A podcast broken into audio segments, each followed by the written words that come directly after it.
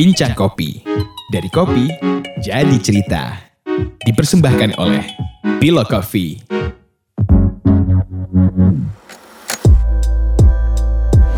Selamat datang di Bincang Kopi bersama dengan saya Dian. Kali ini saya ditemani oleh operator Ibu Maria. Dia Halo. operator sekaligus mungkin bisa ikut komentar celetuk ya. Eh, saat ini di studio sudah ada Arif Said, pendiri subskripsi kopi pertama di Indonesia yang sudah tidak asing lagi yaitu Gordi. Halo. Eh, gimana Arif kabarnya? Alhamdulillah baik. Baik ya? Baik. Baik baik baik. Kesibukan lu belakangan ini apa nih Rif? Masih dengan Gordi, dengan segala macam aktivitas Gordi yang eh, ada sekarang. Jadi eh, ya lumayan sibuk lah. Sibuk akhirnya. banget ya. Ya gitu-gitulah, gitu-gitu aja sih sebenarnya. gitu-gitu aja tuh kayaknya biasa kalau gitu-gitu aja tuh banyak sekali biasanya ya gak sih cuman bingung apa yang diceritain nih terlalu banyak gitu harus diupa, dikupas ya kupas pelan-pelan di, dikuliti gitu ya Kuliti.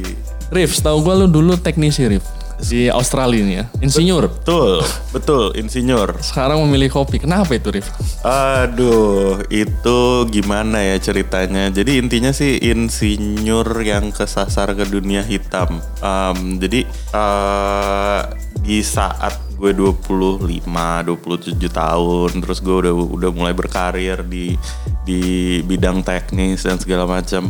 Buntut-buntutnya gue ngerasa rada-rada kayak kok eh, kok gini-gini aja ya hidup gue gitu.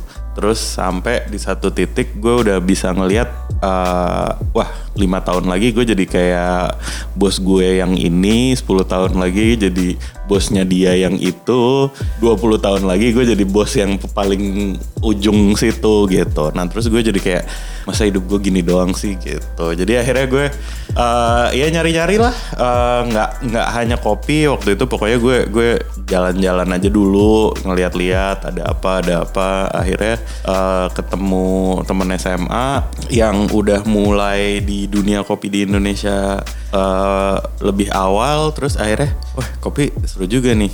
Si Irfan atau Si? Irfan. oh itu teman SMA ya? Itu temen SMA Alizar berarti bukan Al Azhar oh Al Azhar Irfan sama Agam dua-duanya ah, anak-anak teman. Al Azhar kan. Ah. Terus jadi eh, akhirnya gue eh, ngobrol-ngobrol sama Irfan di anomali apa segala macam terus coba ngobrol-ngobrol eh, mengenai lebih dalam lah mengenai kopi gitu. Sampai akhirnya eh, perlu kembali ke dunia pekerjaan di Australia Ah. sebelumnya. Jadi akhirnya gue eh, balik ke Australia ternyata, wih di Melbourne kopi banyak. Ternyata. ternyata gue nggak sadar waktu itu kan. Maksudnya ya gue minum kopi gitu selama gue di Melbourne apa segala macam tapi ya latte-latte aja. ngeh gitu ya. Nggak ngeh. Sampai akhirnya, wih ada kopi Kenya, ada kopi Rwanda, yang kopi Yaman lah, apalah gitu. Jadi akhirnya kok seru nih. Jadi akhirnya gue mulai dari situ eh, mendalami lebih lanjut eh, sampai akhirnya gue ya udah jadi jadi kecemplung deh gitu. Langsung kecemplung ya kopi Susah emang. nah itu karir pertama lu di dunia kopi dimulai di Australia bener kan ya Betul, betul. Jadi karir pertama gue waktu itu kan zamannya kan sosial medianya kan twi- Twitter kan, Iya, sebelum iya. Instagram kan. Nah terus jadi gue juga kalau nggak salah gue ngobrol-ngobrol sama lo Iya, di Twitter pertama-tama dulu. di Twitter Ah, tahun iya. 2010, 2011 gitu, gila 10 Twitter lah. tahun. 10 tahun kemudian ya satu meja di Satu studio dekade. podcast Eh, iya jadi eh, pas lagi zaman zamannya Twitter terus tiba-tiba ada eh, lowongan lah yang di eh, ditampilkan di Twitter eh, dari Sen Ali terus ah coba-coba ah eh, ngirim ngirim CV gitu kan. Ngirim CV terus ya udah eh, dua hari sesudahnya gue interview tiga hari sesudahnya gue diterima. Jadi ya alhamdulillah deh begitu. Di Sen Ali gue langsung jadi roster pada saat itu. Eh, sebenarnya kacungnya roster sih. Jadi bener-bener yang dikerjain nggak nggak hanya ngerosting kopi awal-awalnya tapi ya Ngangkat lebih karung gitu ya? iya sortir ngangkat kar- sortir. Ngangkat karung sih udah sampai zaman zaman di Morph juga. Aku ngangkat ngangkat karung sendiri. Ya gitulah tapi emang yang namanya roster ya ah, ngangkat karung ngirimin ngirimin kopi sendiri ah, terus apa? Ya dibentak-bentak sama customer juga ya kita kita lagi ya Oke, gitulah. oke. Kurang lebih Itu berapa lama di apa Senali itu? Di Sen Ali gue tuh setahun. Setahun ya? Roster setahun. Setelah itu langsung lu ke Indonesia balik Betul, kembali ke Indonesia itu tahun 2012. dan langsung mendirikan usaha kopi Morph Coffee, Morph Coffee. namanya. Itu bisa lu cerita dulu. Morph sama siapa lu bangun? Eh, jadi awal-awalnya intinya sih kita eh, ngobrol-ngobrol eh, antara gue sama Andrew. eh, Andrew Tang ya? Andrew Tang ya Eh, sama Andrew terus eh, intinya sih di awal-awal juga sama Adi sempat eh, ngobrol-ngobrol bareng sampai di satu titik kayak kok kayaknya seru nih eh, di saat nggak banyak roastery pada pada Saat itu ya. saat itu ya 2012 ya Eh, lebih lebih banyak eh, roastery itu kayak yang em, yang old school lah gitu. Nah, sedangkan yang eh, dibilang specialty ya masih baru sedikit. Nah, itu kita akhirnya yaudah yuk kita bikin roastery. Eh, di saat bersamaan juga ada Lia dari 115. Eh, ya udah ngobrol-ngobrol bareng aja. Terus akhirnya kita kita ini eh, mendirikan Morph sam kita ngedirin Morph terus akhirnya eh, 2013 lah kita mulai Merilis kopi itu ya. merilis kopi eh, ke 115 sebagai klien pertama terus akhirnya kita juga sebagai roastery ya kita akhirnya mencoba mencari klien-klien lain Em, ya udah jadi akhirnya kita berkembang bersama lah kurang lebih dari situ Eh, iya sampai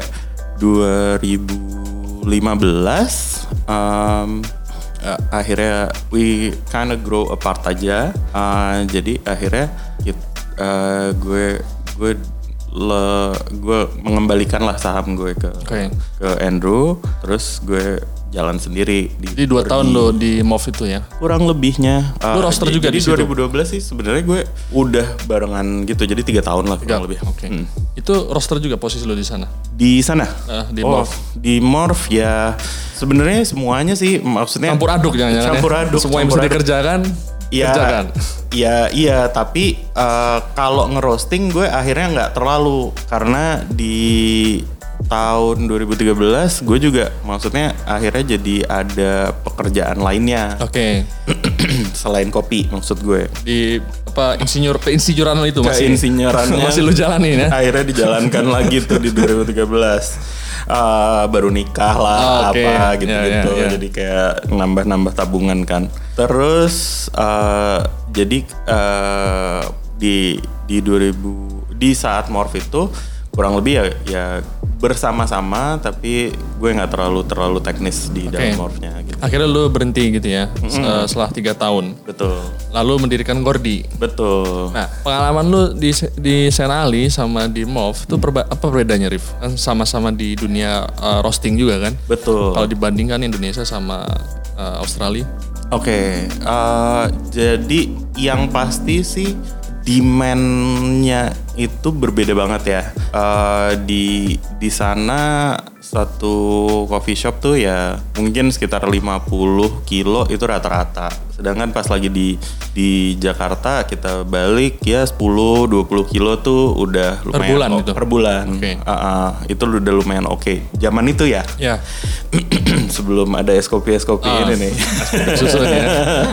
es kopi susu nah jadi eh, kayaknya yang kerasa sih memang memang oh ternyata eh, volumenya tuh lumayan lumayan kecil gitu dibandingkan eh, Australia pada saat itu.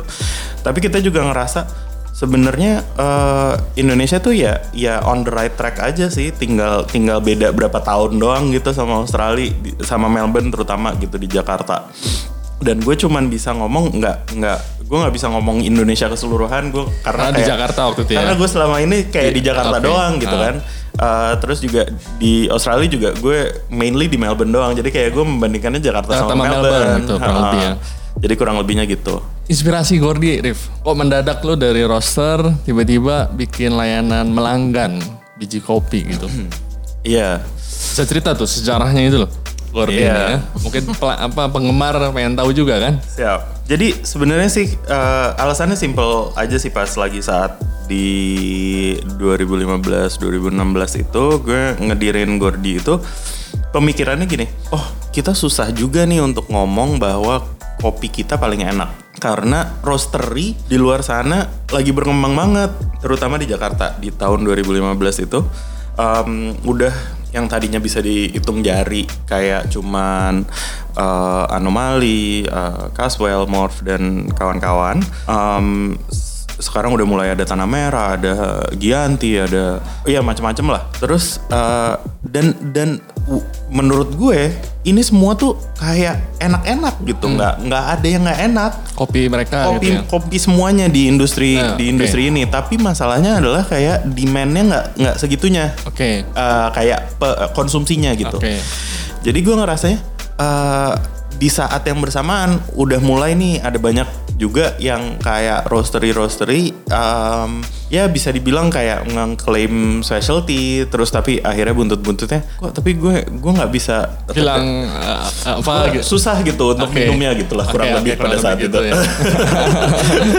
nah terus jadi eh, jangan-jangan ada ada kebingungan di pasar sana gue mikirnya eh, barangkali gue bisa bantu untuk mencoba memilihkan ini nih yang yang gue bilang enak gitu. Purely sesimpel itu sih. Gue gue cuman pengen ngomong bahwa kayak eh lu udah tahu belum nih ada ada roastery di luar sana?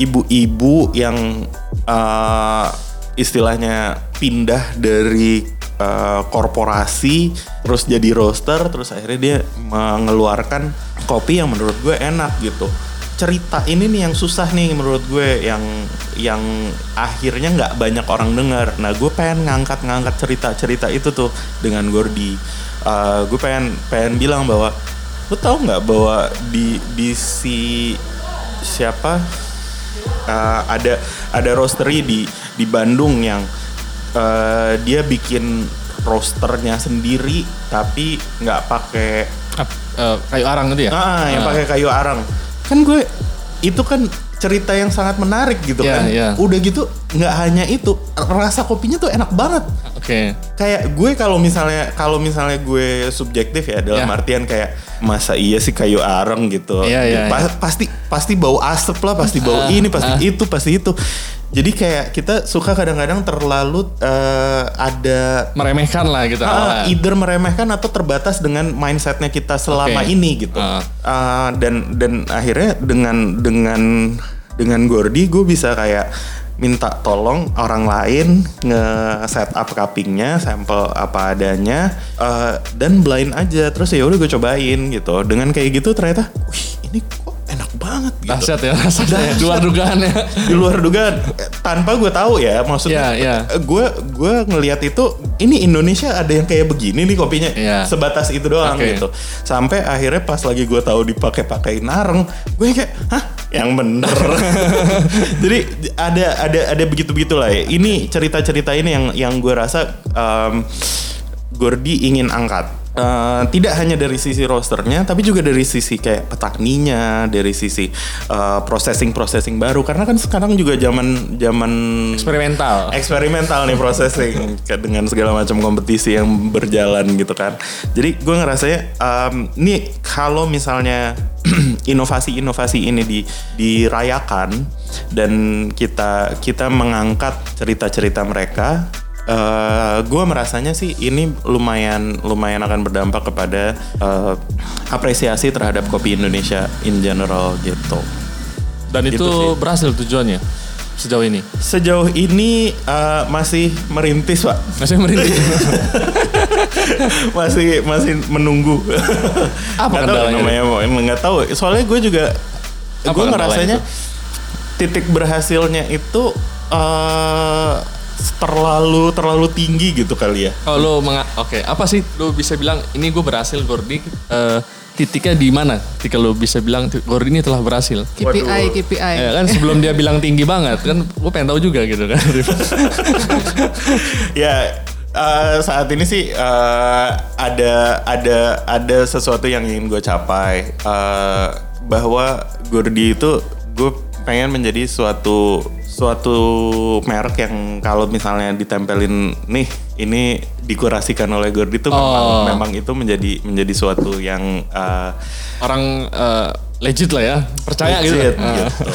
Nah, itu itu masih masih dalam proses lah. Oke. T- eh, tapi tapi ya ya mudah-mudahan kita kita berusaha untuk melakukan pekerjaan em, apa pun yang eh, pokoknya kita mengkurasi, kita mencoba mencari kopi-kopi enak, kita mencoba menceritakan eh, segala macam cerita di belakang kopi tersebut Eh, dan Eh, harapan gue sih maksudnya ya kita bisa sama-sama mengembangkan industri kopi Indonesia. Hmm.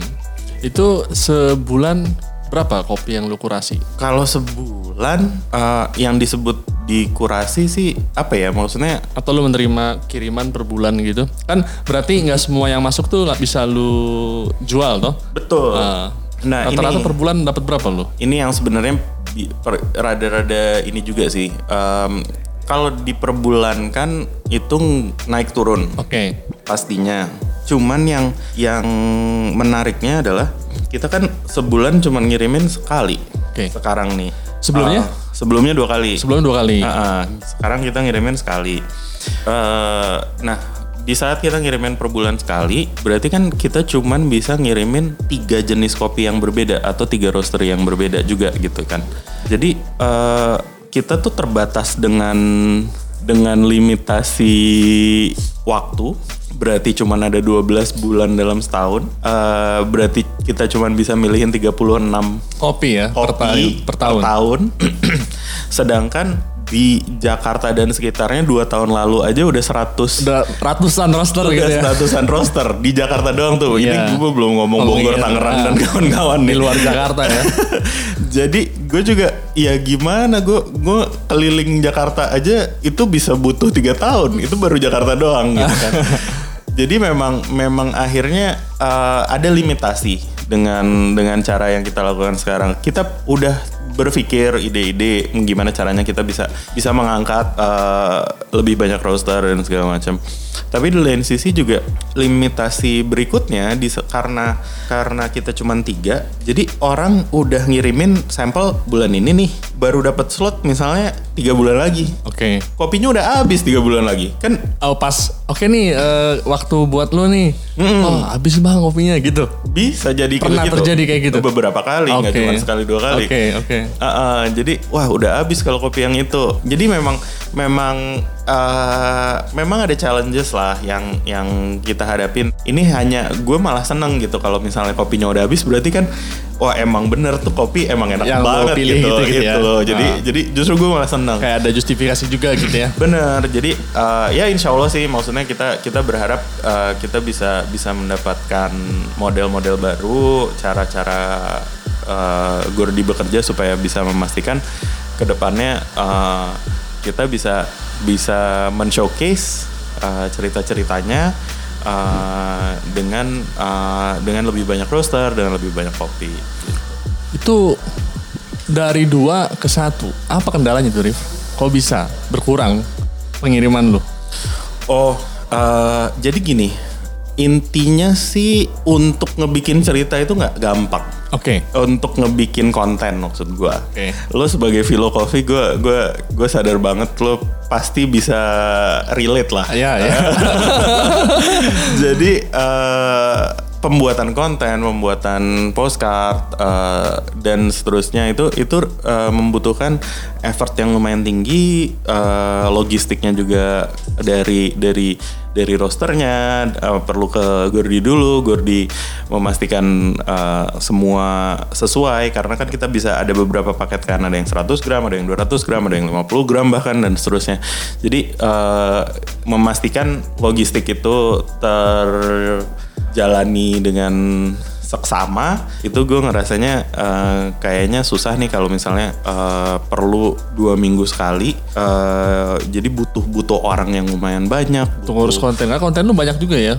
pada saat itu iya Dalam bentuk fisiknya gitu kan. Mulai dari kartu lah, kardus ya kan. betul Dan sebagainya gitu ya. Nah ini yang yang akhirnya kita kita decide uh, ya udah deh kita kita scale back di sini dengan harapan soalnya benar-benar kejar-kejaran kejar-kejaran terus gitu. Jadi akhirnya secara administrasi di back endnya juga kita keteteran. Eh, kita pengen nambahin ide-ide baru juga kita nggak ada Tambah waktu. keteteran gitu ya. Eh, jadi gitu gitulah. Jadi akhirnya yaudahlah kita scale back di sini. Mudah-mudahan kita bisa eh, menata lebih baik ke depannya. Eh, kita bisa ngebikin sistem yang lebih baik sehingga di sa- pada saatnya mudah-mudahan 2020 ini eh, kita bisa memberikan layanan-layanan yang lebih baik gitu. Jadi lu mutusin akhirnya sebulan sekali pengiriman supaya semua berjalan dengan baik nih ya. Berharapnya begitu. Oke. Mudah-mudahan deh. Dan lebih baik memang. Alhamdulillah sih, alhamdulillah. Jadi eh, sekarang kita ngerasa paling tidak lebih terkontrol dari sisi kitanya. Kita nggak nggak terlalu kayak Gerasa gerusuk gitu lah ya. berasa gerusuk gitu. Eh, jadi jadi kita bisa mulai mulai menata sistem kita. Ada ada cara kita memilih jadi jadi lebih tertata, lebih terstruktur gitu gitulah. Berapa roster yang sudah lu gandeng dari awal sampai sekarang nih? Uh, Nggak inget ya? Atau kalau ratusan puluhan nah gitulah mungkin biar gampang kalau detailnya Oke, 100 lebih sih ada sih. sudah ada ya 100 Sudah- lebih dan sudah ada itu 100 po- lebih. eh, sebarannya Sebarannya alhamdulillah 2019 kemarin tuh kita ngirim sekitar eh, 6000 paket. 2019 ribu paket. Mm, 6 6000 alamat. Jadi bisa jadi satu alamat itu Ada bisa yang berulang gitu ya? berulang gitu. heeh. Kalau dari rosternya sejauh ini yang didominasi dari daerah Eh, Jakarta, tetap ya. Jakarta. heeh. Eh, karena eh, sebenarnya sih accessibility dan kemudahan kita bisa tektokannya sih antara kita. Tapi eh, tidak menutup kemungkinan sebenarnya eh, jadi kayak kita kan ada ada dua model nih sekarang nggak hanya subscription aja gitu. Ada model yang di mana kita sistemnya tuh eh, direct dari rosternya eh, kayak semacam dropship lah kurang Oke. lebihnya. Jadi eh, Pelanggan beli lewat web Gordi, nanti yang ngirim langsung langsung dari mereka. roster bukan Gordi. Betul. Eh, karena karena kemarin ini kalau misalnya udah dari dari luar kota atau de- eh, melewati Gordi dulu itu tuh ada ada limitasi eh, waktu yang lebih lama. Karena mesti lewat kita dulu terus nanti mesti dikirim. Dan kedua bisa jadi nanti roast date-nya terlalu terlalu panjang. Jadi kita men- menjembataninya ya dengan sistem yang ini. Mudah-mudahan eh, customer bisa langsung mendapatkan eh, dengan roast date yang yang lumayan eh, sesuai eh, waktunya gitu. Kurang lebih. Dengan dengan cara-cara ini sih eh, alhamdulillah sih udah eh, apa ya bisa dibilang lumayan membantu lah gitu Yang cara Eh, kedua ini atau gimana? Hmm, eh, dengan cara kedua lumayan membantu. eh, tinggal kita gimana caranya meningkatkan sisi kontennya Oke. di sisi di cara yang kedua ini karena kan langsung kan Dari roster dari soalnya. rosternya. ha, Nah ini yang lagi kita pengen coba coba godok gitu. lu godok. Nah itu eh, pemilihan lu kerjasama dengan roster di sistem 2 ini itu serupa juga dengan sistem satu atau subskripsi tadi tuh. Lu akhirnya kurasi juga rosternya, kopinya dan sebagainya gitu.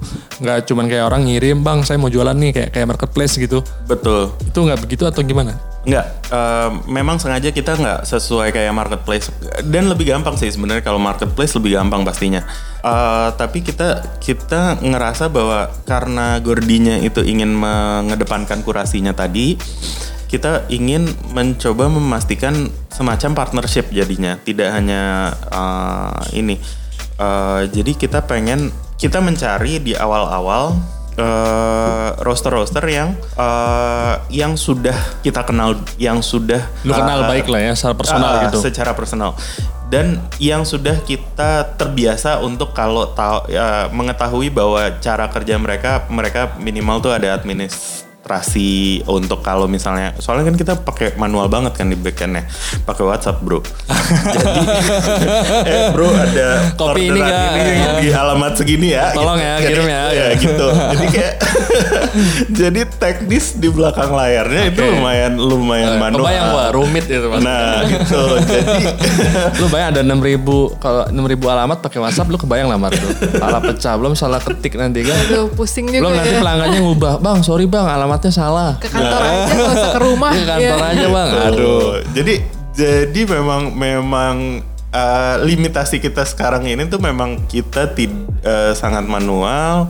eh, walaupun kita sedang mencoba membuat sistem eh, untuk untuk me- meringankan hidup.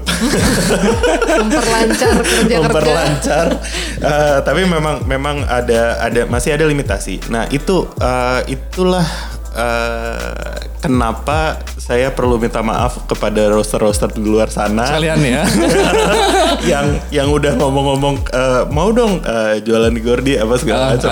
Saat ini sayangnya bukan bukan bukan kita nggak mau, tapi kita yang nggak sanggup. Kurang lebih gitu. Jadi em, intinya sih eh, dari dari kedua ini kita pengen mendapatkan kurasinya. Nah, tapi dengan sistem yang dropship ini kita mengkurasinya nggak necessarily kopinya, kita mengkurasinya rosternya, harapannya ke depannya. Lebih kepada konsistensi sih, karena kadang-kadang yang dibutuhkan di customer end itu nggak necessarily enak atau enggaknya, karena enak atau enggak tuh subjektif Relatif ya. banget itu relatif banget tuh. Tapi kalau misalnya gue nyobain kopi ini, eh, nyobain ini eh, Ijen Yellow Katura, ya gue berharap kalau misalnya gue balik ke Vilo, gue nemuin Ijen Yellow Katura ini, yang ya, sebelumnya lo coba gitu. itu sama persis gitu. Nah ini yang yang sebenarnya lebih susah nih dari dari sisi roster. Dibanding menawarkan kopi enak. Ini gitu ya. pengalaman pribadi nih, Oke, oke. pengalaman pribadi sebagai roster nih. Itu susah banget untuk menjaga konsistensi karena kan eh satu ada faktor alami. Tahu tiap tahun panen berubah, Alam rasa berubah, oke. gitu kan, alam berubah. Nah, jadi eh, ada faktor itu. Tapi gimana caranya kita memastikan itu tersampaikan juga ke customer dan dengan faktor yang berubah dari eksternal itu gimana caranya kita meng- me- mencari supaya rasanya paling tidak menyerupai dengan Sebelumnya ya. sebelumnya atau Jangan sampai jauh gitu ya. Atau paling enggak kenapa kita milih Yellow Katura sebelumnya itu tetap dijaga di tahun-tahun berikutnya Oke. gitu. Jadi stok juga harus konsisten ada gitu ya. Jangan sampai Waduh, kalau misalnya stok konsisten ada gue nggak nggak ada komentar deh. ya kan khawatir Itu suka derita, derita roster tuh. tiga bulan kemudian kosong kan repot juga kan. derita derita roster gue. Emang banyak ternyata masalah nih ya. Tadi gue pengen nanya sebenarnya, terus ternyata lu udah lu singgung, tapi bisa gue tanya ulang lah, Iya. lebih rinci. Itu gimana Rif? Kan lu fokus eh, sistem 2 atau mungkin yang sistem pertama subskripsi nyari roster juga yang lu kenal dulu lah biar enak gitu ya. Kan temen lu banyak nih Rif di Jakarta ini. Mm-mm. Itu gimana kalau temen lu semua minta, terus lu harus nolak gitu kan? Nolak kan tak alasannya karena, aduh tadi seperti lu bilang gua nggak sanggup gitu ya, atau terlalu banyak nih dominan Jakarta semua, atau yang masuk itu juga kopinya misalkan Ethiopia semua mendadak, atau Kenya semua, atau eh, Gayo semua. Intinya lu bagaimana tuh menolak roster yang minta ke lu, terus lu temen lu itu kenal, itu lu punya perasaan gimana tuh? Wah kalau kalau kalau misalnya temen perasaan gue masih lebih gue masih lebih gampang. Soalnya Oh. Kalau misalnya kalau temen ya gue gue masih ngerasa bahwa kayak gue bisa ngomong gitu kan. Oh, Oke. Ah, kayak bro minta maaf ini gue nggak sanggup aja gitu atau ah, minta maaf gue ada ini ada itu Yang, berat yang, malah nggak bukan teman malah ya? yang yang yang lebih challenging Ah, ah. Ah, itu itu yang justru kalau misalnya gue nggak bisa ngobrol langsung Oke. dan udah langsung nge-stempel Gordi tapi ya, ya gimana gimana juga gitu kan Ya udahlah gitu Em, eh, jadi sebenarnya sih yang yang kita lakukan tuh ya kita pengen mencoba mencari model aja sih selama ini selama empat tahun nih eh, Gordi berjalan kita masih mencari model kurang lebih Sampai sekarang lu belum nemu ternyata yang ideal banget gitu. gue ngerasanya belum ya karena kayak kayak gimana ya maksudnya Apa sih misalnya- kendalanya kok sampai lu bisa belum nemu tuh? oh ya ya macam-macam ya macam-macam Yang paling penting deh, signifikan. Mungkin tiga lah, tiga hal mendasar lah. tiga hal mendasar maksudnya kalau misalnya dibilang kendala atau kayak challenge gitu ya yang pasti sih intinya eh, gue tuh kurang kreatif gue nya pribadi. Kurang kreatif nih. gue kurang kreatif Ini menarik. Padahal kodenya kreatif banget sebenarnya kan. Sebuah pelopor subskripsi kopi. Kadang gitu emang orang selalu gak puas ya. Eh, ya begitulah jadi jadi gue gue ngerasa ada, ada Kurang kreatif, oke. karena kan maksudnya ya subscription di luar sana juga ya banyak banget gitu kan nah jadi eh, kita kita ngerasanya sih eh, selain ini ada satu kurang kreatif yang kedua tuh sebenarnya kurang sabar Maksudnya gimana tuh kurang sabar tuh? gue ngerasanya tuh bahwa ini tuh memang proses gitu. Ini memang proses yang perlu dijalanin um, dan kadang-kadang ya kita untuk keperluan bisnis, untuk keperluan apa, itu memang memang uh, ada kebutuhan lebih cepat, lebih cepat, lebih cepat gitu kan. Nah ini yang yang gue ngerasanya kadang-kadang ya memang memang butuh disabarin aja karena alhamdulillah nih dari apa yang udah kita bangun, alhamdulillah nih kita udah mencapai sini gitu. Jadi kadang-kadang itu yang gue rasa gue butuh gue butuh bolak-balik mengingatkan diri gue sendiri bahwa kayak Sabar, "Rif, sabar, ya." Rif, sabar, Rif."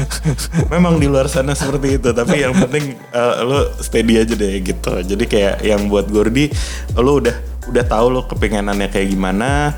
eh, di luar sana jauh lebih cepat, eh, tapi ya ya apa yang lo udah capai, alhamdulillah kok gitu nggak nggak ini gitu. Jadi ini yang yang kayaknya eh, gue mesti bolak-balik mengingatkan diri Oke. gue sendiri. Supaya sabar. Gitu, Pak. Udah kayak Sufi ya ternyata ya kopi ini. Kan gue bolak-balik ngobrol sama lu sih ya, gitu. ya. Walaupun setahun terakhir kita udah lama ya Udah lama lah. ngobrol. Ngomong-ngomong nih Rif, lu pernah nolak bukan karena lu nggak sanggup, tapi emang kopinya nggak sesuai dengan apa standar lu. Hmm, Itu ya. kejadian kah kayak gitu? Iya beberapa kali. Sering? Beberapa kali. Yang paling parah menurut lu ada? Eh, waduh, kalau misalnya gue ngomong kayak gitu nggak nggak nggak keinget sebenarnya. Oke. Ah, cuman nih, yang pasti sih gini, susahnya adalah eh, di saat kita ngomong kualitas itu gue selalu ngomong kalau kualitas tuh objektif, tapi kalau rasa tuh subjektif. Oke. Jadi gue selalu bolak-balik ngomong sama sama tim gue, jangan milih atau nggak milih gara-gara rasa. Bisa jadi kayak rasanya lo nggak suka. Eh, gue gue pribadi nih, Ya. gue pribadi gue nggak suka yang wine, Oke. wine. Wine proses. coffee gitu, oke. Ah, wine proses tuh gue nggak suka, gue pribadi. Tapi eh, waktu itu bahkan natural proses aja ada yang nggak suka banget gue. Tapi semua orang tuh pada suka di tim gue. Oke, natural, kopi natural nih. Kopi natural. Tapi buat gue tuh udah ferment banget. Jadi gue ya udah deh. Menurut kalian gimana? Ini enak, ini manis, ini apa, ini apa gitu. Tapi gue yang kayak, aduh, tapi gue nggak suka. Ya udah deh, tetap di ini kan. Dan itu salah satu yang paling oke. Um, Penjualan. respons Oh, oke responnya. respon dari dari dari subscriber kita. Jadi ya ya kadang-kadang memang rasa tuh subjektif, tapi yang Kualitas perlu, tadi lu bilang objektif. perlu kita coba dalami itu adalah eh, kualitasnya. Jadi kualitas itu eh, gue ngelihatnya sih dari biasanya dari balance Oke. dari balance-nya, dari acidity-nya, acidity-nya tuh eh, apakah dia terlalu ranum atau terlalu sepet gitu kayak yang belum ranum gitu. Oke, oke. Nah ini yang dari dari sisi-sisi ini yang akhirnya kita sehingga di saat kita ngobrol sama sama roster, di saat kita ngomong bahwa kita nggak nggak mengambil atau Oke. gimana, paling enggak Lu bisa kita ngajak- alasan. kita bisa ngajak, Oke. yuk cupping bareng. Oh, oke. Kita ngajak cupping bareng. Ini yang gue rasain di saat cupping kemarin. Bisa jadi rasa lo enak, tapi ada yang lebih enak juga. Oke. Jadi di saat nih gue su- masalahnya gue nge- ngelihatnya kan per per meja kan. Heeh. Per meja sampelnya ada, ya udah gue nggak cupping bareng. Nah di saat itu gue yang me- mengakses eh, berdasarkan eh, penilaian kita. Nah penilaian kita simple banget sih sebenarnya. Gue bikin cuman cupping sheet eh, asal 4 sampai 10 dan eh, 4 sampai 10 ya. Eh, tapi gue ilangin sweetness sama gue ilangin flavor. Karena gue ngerasa bahwa sweetness sama flavor tuh adalah yang paling subjektif. Jadi gue gue ilangin itu sisanya gue masukin nggak ada yang kali dua ya udah kita berdasarkan itu. Nah di saat kita akhirnya cupping kita ambil penilaiannya kita masukin Excel spreadsheet sehingga di saat eh, apa namanya di saat kita pengen ngirimin kopinya kita ngeliat ke eh, Excel spreadsheet itu lagi aja. Yang ini udah dikirim. Oke ilangin. Yang ini belum dikirim. Ya udah itu yang paling atas yang kita kirimin duluan. Ada yang stay di bawah terus nah itu nggak naik naik ya berarti kita mesti cupping ulang misalnya. Oh, lu masih ada nggak nih kopi ini gitu misalnya. Ya udah kita kita revisit lagi atau gimana. Kalau misalnya dia nggak naik-naik, cuman kalau misalnya ternyata dia tetap angkanya segitu-segitu aja, ya udah yang jadi akhirnya bisa jadi yang baru naik ke atas, yang lama tetap di bawah gitu. Jadi kadang-kadang kondisinya bisa macam-macam nih. Kenapa akhirnya kita nggak ngirimin kopi gitu? Bisa jadi eh, nilainya jadi akhirnya nggak naik-naik. Bisa jadi eh, kayak apa? Emang emang kita eh, secara merasa secara kualitas nggak nggak segitunya Jadi dibuat sistem ranking gitu ya Ah, ah. nilainya. gitu. Penolakan ini sampai tidak membuat lu bertengkar kan? Alhamdulillah sih nggak ada sih so far. Nggak tahu sih gue nggak ngerasa. Cuman kalau misalnya Minimal di depan nggak ada.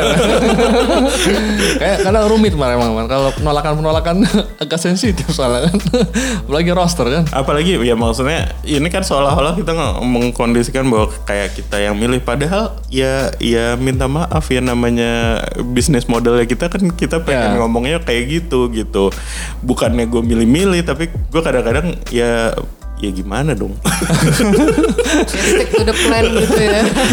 perlu perlu mengkondisikan Sejauh ini pengalaman pelanggan terhadap layanan Gordi bagaimana Rif responnya? Alhamdulillah bervariasi Bervariasi.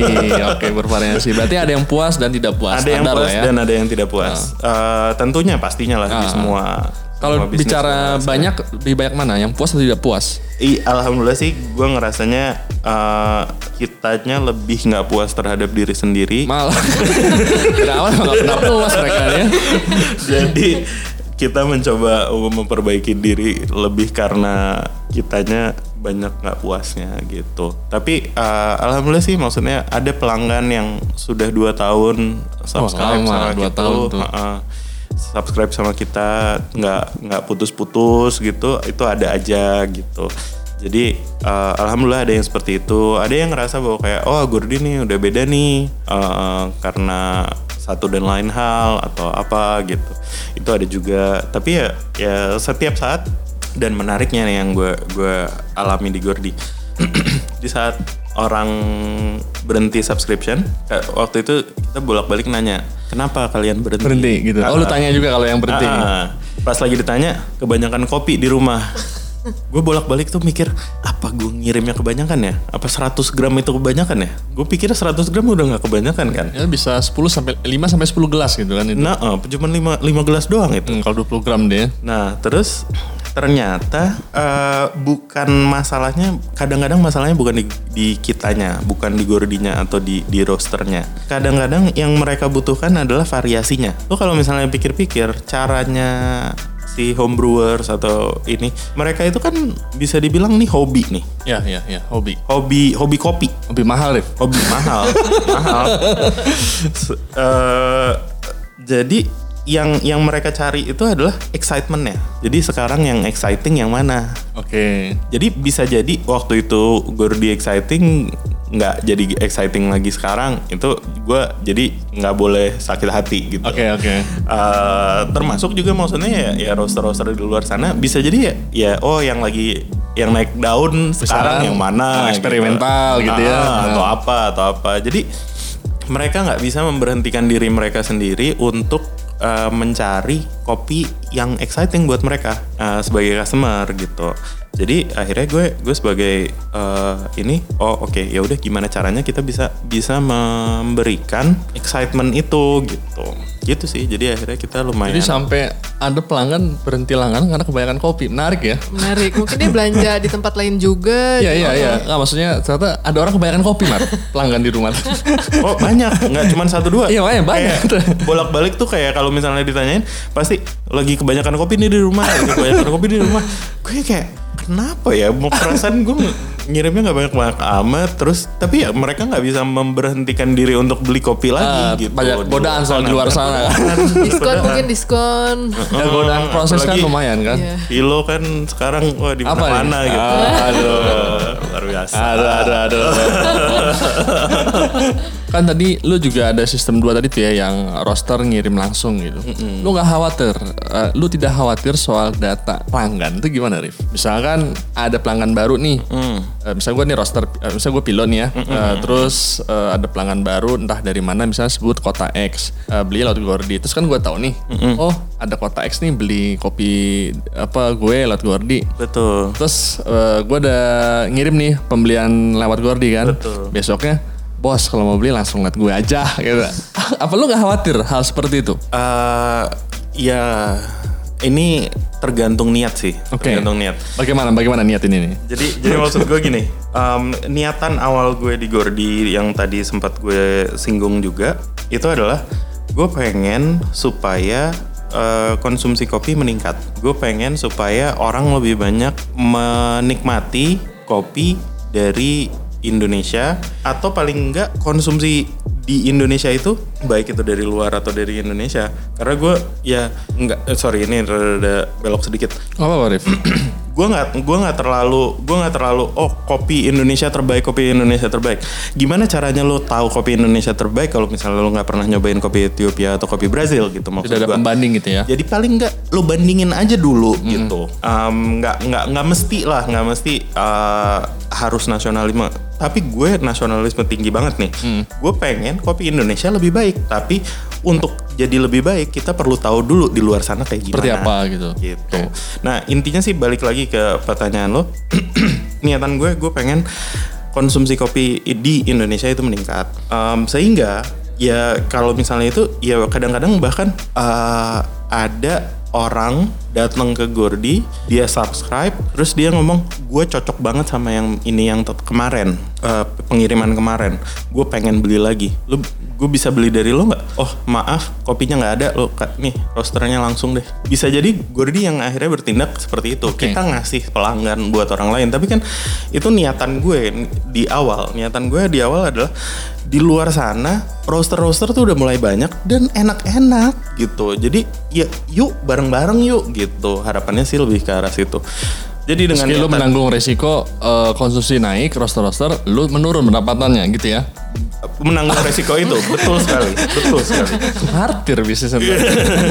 Eh, tapi ya alhamdulillah sih so far eh, aman-aman aja Aman-aman kok gitu. aja ya. Eh, maksudnya ada ada aja lah paling enggak gitu. Ya keluar masuk pastinya. Tapi ya semua bisnis juga kayak gitu. Ada Tinggal resiko gimana, lah ya.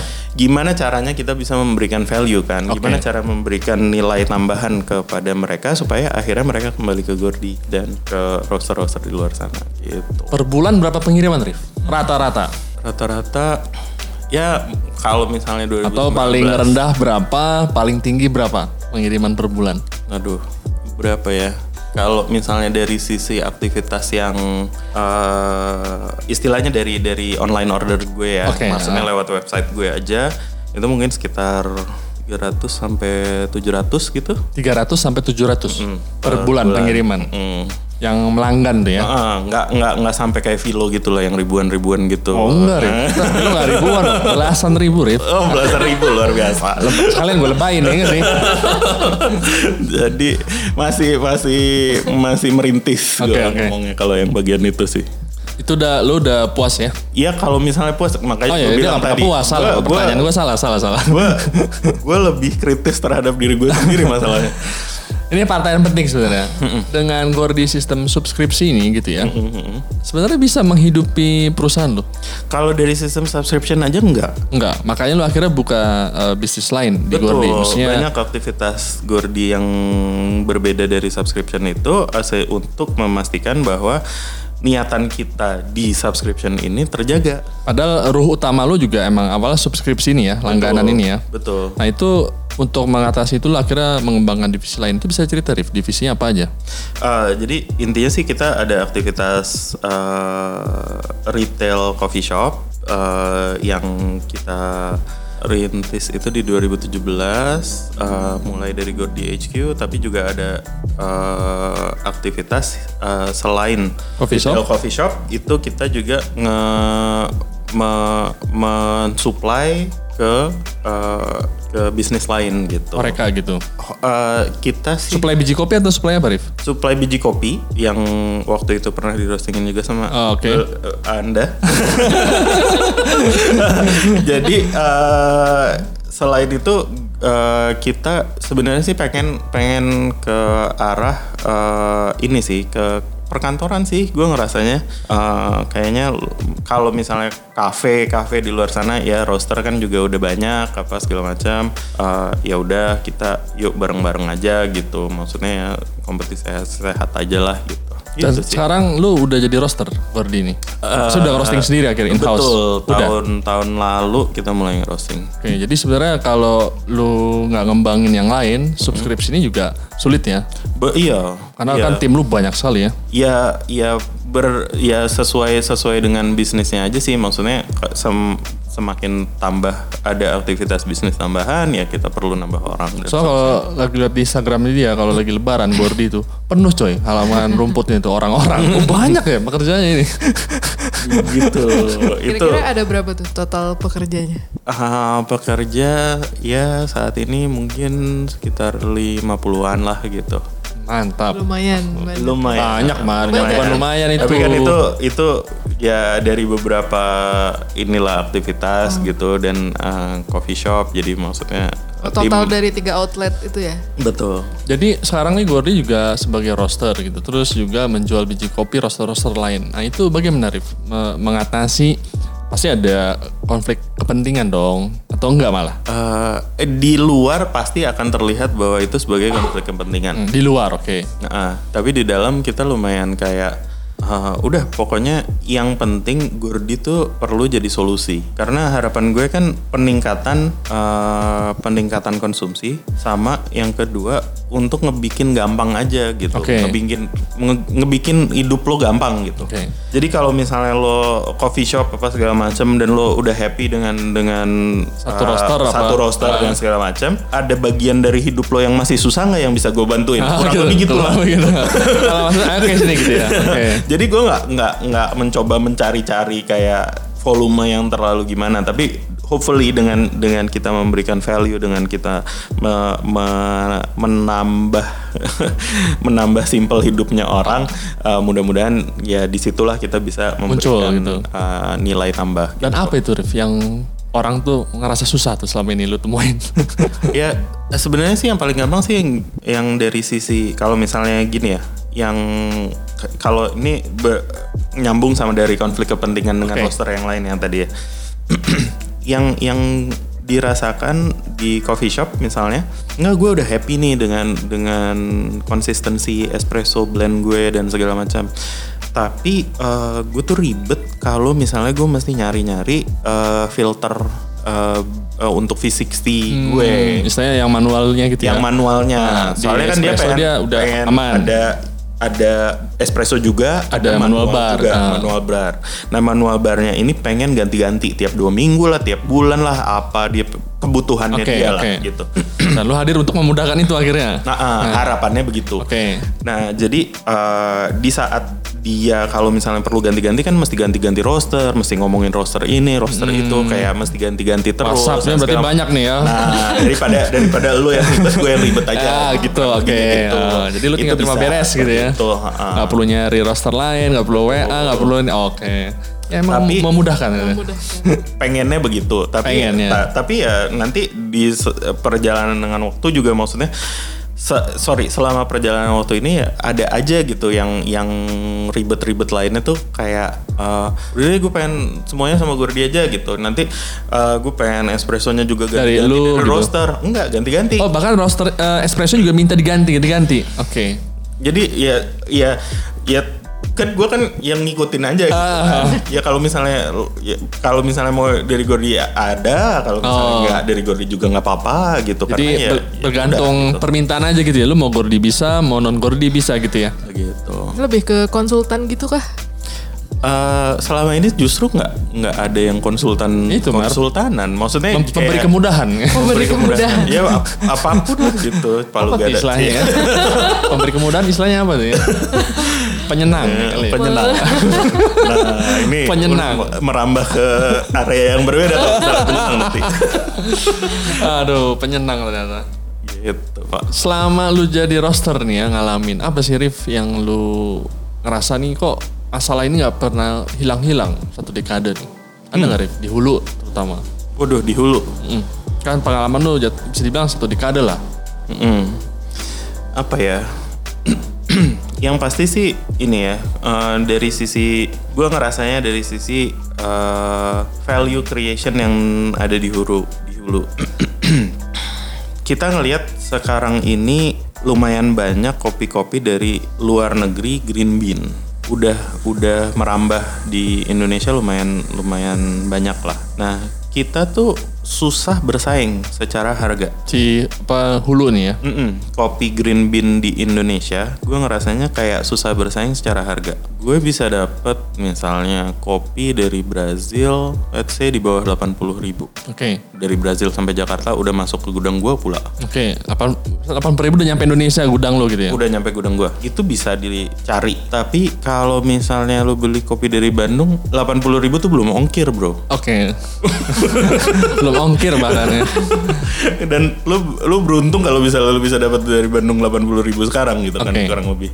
Eh, jadi ada ada gitu-gitunya. Em, yang gue rasa walaupun walaupun eh, kita ingin apa ya kita ingin dan ini gue yakin banyak banget nih yang bakalan komentar mengenai ini gue ngomong seperti ini ya tapi tapi ini realita realita pasar di luar sana ya seperti itu gitu Harga green bean di Indonesia cenderung lebih tinggi dibanding negara-negara lain gitu ya, kurang lebih ya. Hmm. Dan pada akhirnya juga ya ya ya di luar sana juga oh Indonesia mahal lah kalau misalnya gue gue beli harga segitu gue dap kita tuh akhirnya disamain sama Ethiopia. Hmm.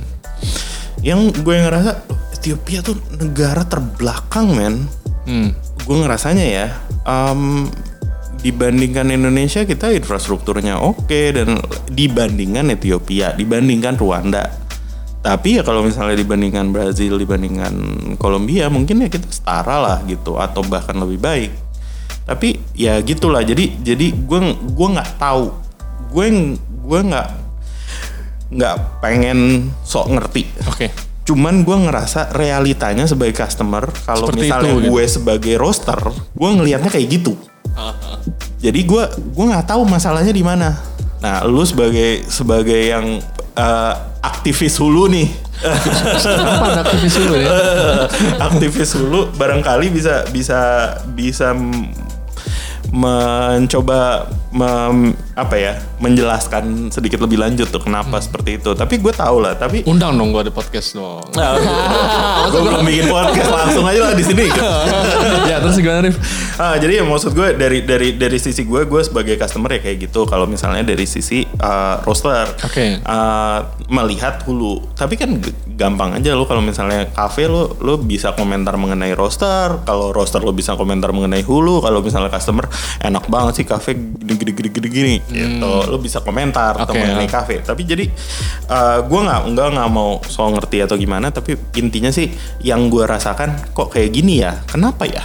Gitu. Itu sebagai tanda tanya aja. Apalagi emang kalau dilihat kan di sekarang ya sudah ada importir khusus ya kan green bean luar. Betul. Misalnya, misalnya udah, ada importir lah di sini. Dulu mungkin kalau roster mau ngimpor emang su- apa mandiri gitu deh ya. Mandiri betul. Sekarang mah emang udah ada perusahaannya ya. Betul. Maksudnya tambah kurang bersaing akhirnya menurut lu juga akhirnya dulu eh, apa beli di Brazil walaupun lebih murah cuman ah masih males ah karena Iya, harus ngurus sendiri, ngurus sendiri gitu. dan segala macam. Akhirnya orang tetap eh, mau beli ke lokal misalkan. Nah intinya sih dari sisi gue sih gue ngerasanya mungkin eh, ini menjadi menjadi menjadi opportunity untuk a- apa yang bisa dilakukan untuk eh, mengefisiensikan eh, supply chain kita gitu karena di satu sisi kalau misalnya kita ngelihat ke hulu harganya naik terus Hmm. Kalau ngelihat ke sisi customer sisi demand harganya turun terus Oke. Iya kan, maksudnya lu si- es kopi susu sekarang ada yang 12 ribu, 10 ribu. Ya, gimana Harga nih kayak tapi saya bahan baku tetap naik gitu ya. gitulah. Jadi eh, sebagai sebagai pebisnis juga lo lo harus harus ngelihat kan harga bahan baku dan seterusnya. Em, ya gitu sih. Tapi gue juga kalau baca laporan kayak eh, roster-roster luar kan eh, karena demi bukan demi tapi katakanlah pengen eh, membedakan kopi spesial itu salah satunya adalah transparasi harga pembelian gitu ya. Itu gue juga terkejut-kejut sih. Mereka beli kopi katakanlah dari Afrika 2 dolar per pon gitu kan atau per setengah kilo. Ah 2 dolar setengah kilo. Berarti satu kilo 4 dolar gitu. Betul. Di sini mah disuruh pulang kan. Anda mabuk, Bung. Pulang sana gitu kan.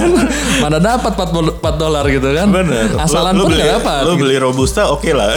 iya, asalan pun nggak dapat gitu. Tapi paling tidak kan uh, uh, ada Hawaii juga tinggi gitu ya. Australia juga tinggi. Itu kan juga menarik tuh. Roster Australia malah jarang beli kopinya sendiri gitu kan. malah kopi luar semua, luar Australia gitu. Tapi itu salah satu kendala uh, menurut tuh yang sampai sekarang belum berubah-berubah gitu ya. Iya. Uh, soal kenapa harga kita lebih tinggi gitu dibanding uh, negara-negara lain gitu. Betul. Soalnya pas lagi zaman gue inget banget pas lagi zaman gue pulang dari Australia 2012, gue inget 2011 itu gue ngambil kop barang enaknya setengah mati dari Costa Rica ke Australia. Itu enam setengah dolar masuk gudang Australia. Enak banget enam setengah dolar 2011 itu oke. ya. Uh, Gue datang kemari enam setengah dolar waktu itu kan uh, ya 13 ribu lah dolar gitu kan. Jadi mungkin 90 ribu. Gue datang kemari 90 ribu tuh lo, lo dapat dari Sumatera. Belum ongkir juga lagi jangan-jangan. Nah, iya sama kan.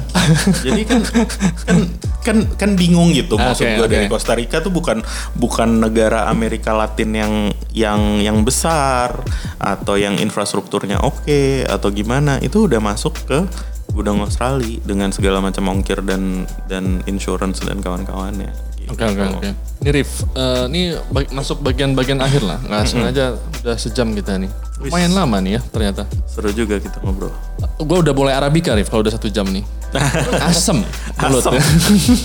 Karena ahlu lisap nih kan beda. ini Rif, pendapat lo tentang perkembangan kopi di Indonesia nih Rif. Terus prediksi lo gimana menurut lo? sangat positif sih gue ngerasanya. Dalam artian gini, eh banyak yang ngomong kopi udah mulai saturated. Gue ngerasanya baru mulai. Lo baru ngerasa malah baru mulai, bukan Iya. jenuh gitu ya. Bukan jenuh. Gue ngerasa baru mulai. Ini kayaknya makin seru nih ke depannya. Eh, terutama eh, dengan yang apa ya, dengan dengan adanya brand-brand baru yang eh, lumayan agresif eh, perkembangannya.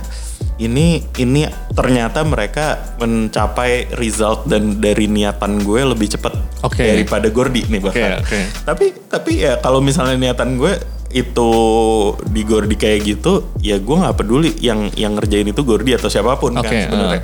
Jadi gue happy gitu ngelihatnya. Wah alhamdulillah nih ada ada teman-teman dari kenangan dan dari Fore dan dari janji jiwa dan kawan-kawannya gitu. Maksudnya mereka mereka segitu segitu cepatnya dan segitu pesatnya untuk eh, meng- merubah lifestyle yang tadinya nggak ngopi jadi ngopi, yang tadinya ngopi eh, sasetan jadi jadi ready to drink dan seterusnya dan seterusnya. Intinya sih dari sisi gue itu itu sangat positif perubahan itu. Tapi berikutnya kok kayaknya mereka dengan dengan segala macam aktivitasnya itu kayak lumayan mungkin di di arena itu di permainan itu itu sangat kompetitif atau bahkan bisa dibilang jenuh di arena es kopi susunya. Tapi kalau misalnya lo ngelihat kopi industri secara keseluruhan dari masing-masing ini mereka berapa puluh ton konsumsinya? Itu kan butuh butuh satu supply yang green bean yang eh, steady dan konsisten Berarti itu akan ada peningkatan uh, konsistensi supply di sisi hulu. Selain itu, mereka nggak tahu uh, cara kerjanya mereka gimana atau uh, apa maksud gue uh, bisnis developmentnya bakalan ke arah mana perkembangannya. Tapi gue ngerasanya nanti supply chainnya akan menjadi lebih baik juga. Oke. Karena kebutuhan mereka adalah nge-supply ke seribu outletnya mereka dalam waktu berapa tahun ke depan. Itu gimana caranya supaya itu menjadi lebih uh, cepat, mudah, dan efisien. Itu pasti mereka akan mikir memikirkan itu gitu secara supply chain juga. Sebelasan ton gitu per hari tuh untuk memenuhi tiga outlet kayak gitu tuh. Nah, kayak Apa gitu. tiga merek itu? Nah itu kalau misalnya lu udah belasan ton per hari, Atau puluhan ton mungkin ya. Yang Ya, tahu gimana? kan. iya makanya. Tapi jelas bel- belasan ton lah itu. Jadi gue ngerasanya sih uh, itu lumayan lumayan lumayan menarik dan akan akan terus berkembang di industri kopi se- secara keseluruhan. Keseluruhan, ya rantai nilainya pun juga akhirnya tadi bilang ya lebih efektif, efisien dan sebagainya gitu. Karena ini ada pelay- ada pelanggan yang nunggu nih sehari belasan tahun kalau nggak repot gitu ya. Bener. Iya iya iya. Gitu. Jadi lu melihat juga dampaknya luas gitu ya dengan perkembangan sekarang ini. Ya. Sangat sangat bakalan sangat luas dan mudah-mudahan sangat eh, sangat positif kepada industri kopi Indonesia keseluruhannya. Dan Gordi gimana ngeliat kayak gini? Pengennya lu gimana nanti posisinya? Ya, Mimpi lu lah. mimpi gue. Waduh. Eh, mimpi gue ya tentunya kita ingin eh, memberikan nilai tambah selalu eh, kepada customer kita tapi at the same time intinya sih pengen ngegampangin hidup orang deh intinya. Mulia sekali. Itu gampang hidup orang ya. Walaupun dirinya susah, Mar. Kayak lilin berarti kan, nyala Oh, gitu. apa menerangi tapi dirinya terbakar. Oh. Lilin ternyata. Lilin.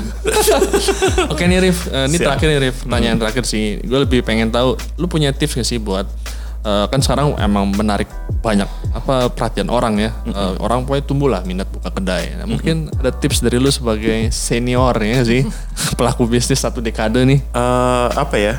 Eh, untuk membuka kedai. apa pun lah dari kopi. Mungkin roster mungkin ada unek-unek lo gitu. Kalau roster gimana kedai gimana atau uh, ya subskripsi gimana. Singkat gue juga ada yang mau buka kan subskripsi lagi tuh Oh seingat gua. udah tiga kalau nggak salah subscription sekarang nih Ah, langganan dia. kopi ini. Um, intinya sih kalau misalnya dari sisi gue, gue gue perlu perlu memberikan kata hati-hati uh, di saat uh, soalnya ini gue baru-baru lagi baca buku. oke Gue lagi baca buku namanya apa? E-Myth. Eh, Uh, gue nggak tahu lo pernah baca atau enggak. Tapi intinya segini. Jadi kadang-kadang kita tuh uh, sebagai praktisi atau sebagai teknisi kopi kita barista lah apa segala macam kadang-kadang kita ngerasa bahwa uh, kita ngerti kopinya. Sehingga ya udahlah kita bikin bisnisnya. Oke. Ternyata itu dua hal yang sangat berbeda. berbeda. Bisnis dengan bikin kopi. Jadi eh, kalau misalnya arahnya itu ke arah bisnis kopi, eh, ya dipastikan aja bahwa anda mengerti bisnisnya, kan sekedar kopi bukan talk, ya. sekedar eh, produknya Oke. gitu. Karena di saat eh, membuat bisnisnya, tentunya eh, itu eh, HR mesti dipikirin, sales mesti dipikirin, marketing mesti dipikirin, belum lagi accounting sama finance-nya dengan arus kasnya yang kayak gimana dan seterusnya dan seterusnya.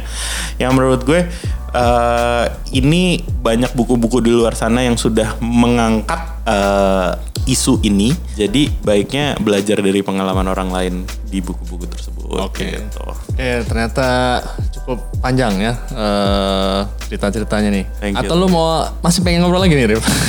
Sesi dua nanti mungkin sesi dua. Siap. Oke, eh, demikian perbincangan saya dengan Arif Said dalam menjalani bisnis eh, Gordi selama ini dan pandangan-pandangan dia tentang eh, dunia kopi di Indonesia. Terima kasih Rif eh, Terima sudah kasih berbagi ya. banyak sudah eh, menerima saya di Philo Coffee. Ditunggu undangan podcastnya Rif. kajian. Ah, Siap. Gue panas banget sebenernya bikin podcast juga dong. Gitu. amin, amin. Oke Rif, terima kasih ya. Terima Oke. kasih sama-sama.